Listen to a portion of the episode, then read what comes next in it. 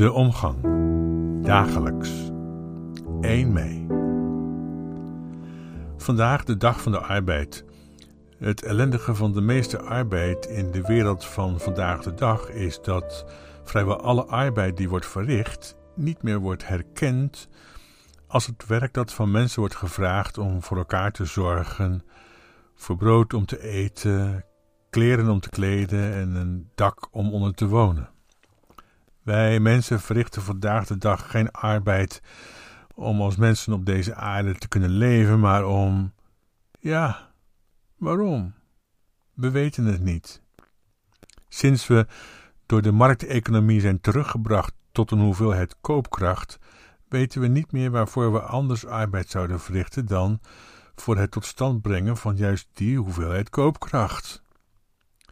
Elders in de wereld gaat 1 mei nogal eens gepaard met rellen en opstootjes. Of dat bewuste acties zijn om te proberen de productiemiddelen weer in handen te brengen van hen die produceren, ik weet het niet. Vaak is het een vaag gevoel van ongenoegen dat tot rellen aanleiding geeft. In de Bijbel is er iets bijzonders aan de hand, en dat zou ons al snel op het verkeerde been kunnen zetten.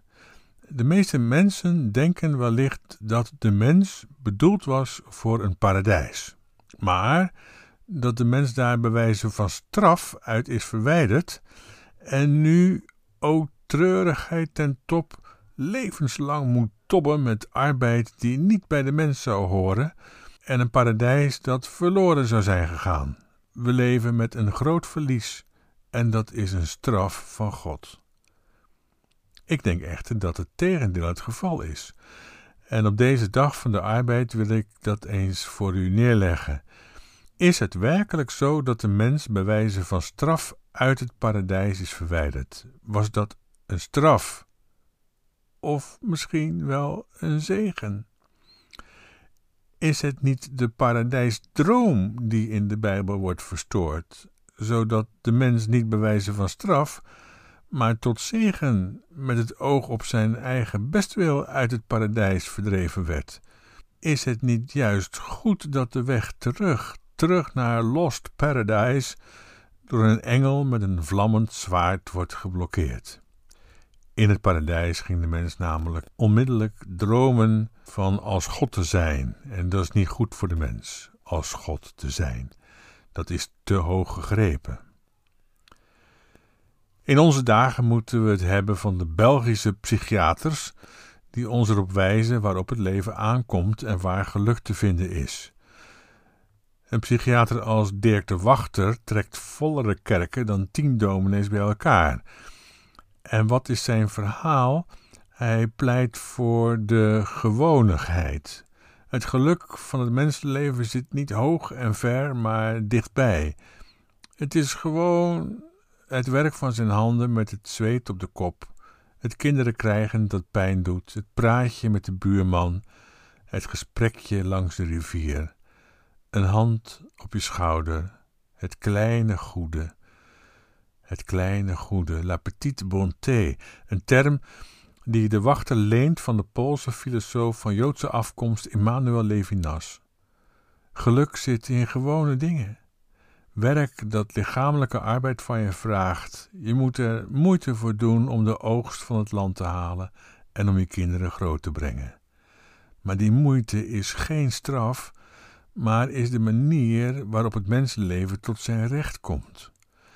Hoe eerder wij het gewone leven met alle mooie en ook met alle pijnlijke momenten leren omarmen als ons mensenleven, hoe beter het is voor ons. Hoe eerder we ons uit die ellendige paradijsdroom wakker laten roepen tot de maat van de menselijkheid, hoe meer geluk we zullen ervaren. U denkt misschien, nou, dat weet ik nog zo net niet. Hier moet ik eens over nadenken of dat wel klopt allemaal. Doe dat maar. Ik kom er in deze podcast in volgende afleveringen nog wel vaker op terug. In de loop van de tijd wil ik u namelijk in contact brengen met het denken van de Joodse psychiater Viktor Frankl.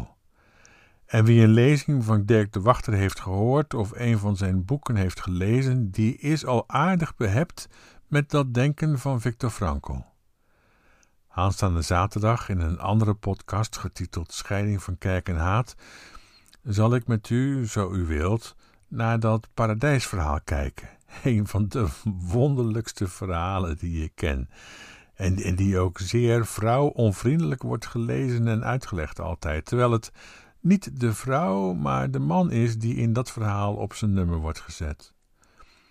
In elk geval, op deze 1 mei, de dag van de arbeid, zou het goed zijn om te beseffen dat er niets zo adequaat is als dat Bijbelse verhaal dat vertelt dat de mens niet geschikt is voor paradijsdromen en paradijsverlangens, maar bedoeld is om samen te zorgen voor eten en drinken, kleding en behuizing, kinderen en liefdes, in alle gewonigheid die het leven van mensen zo waardevol kan laten zijn. Tot morgen.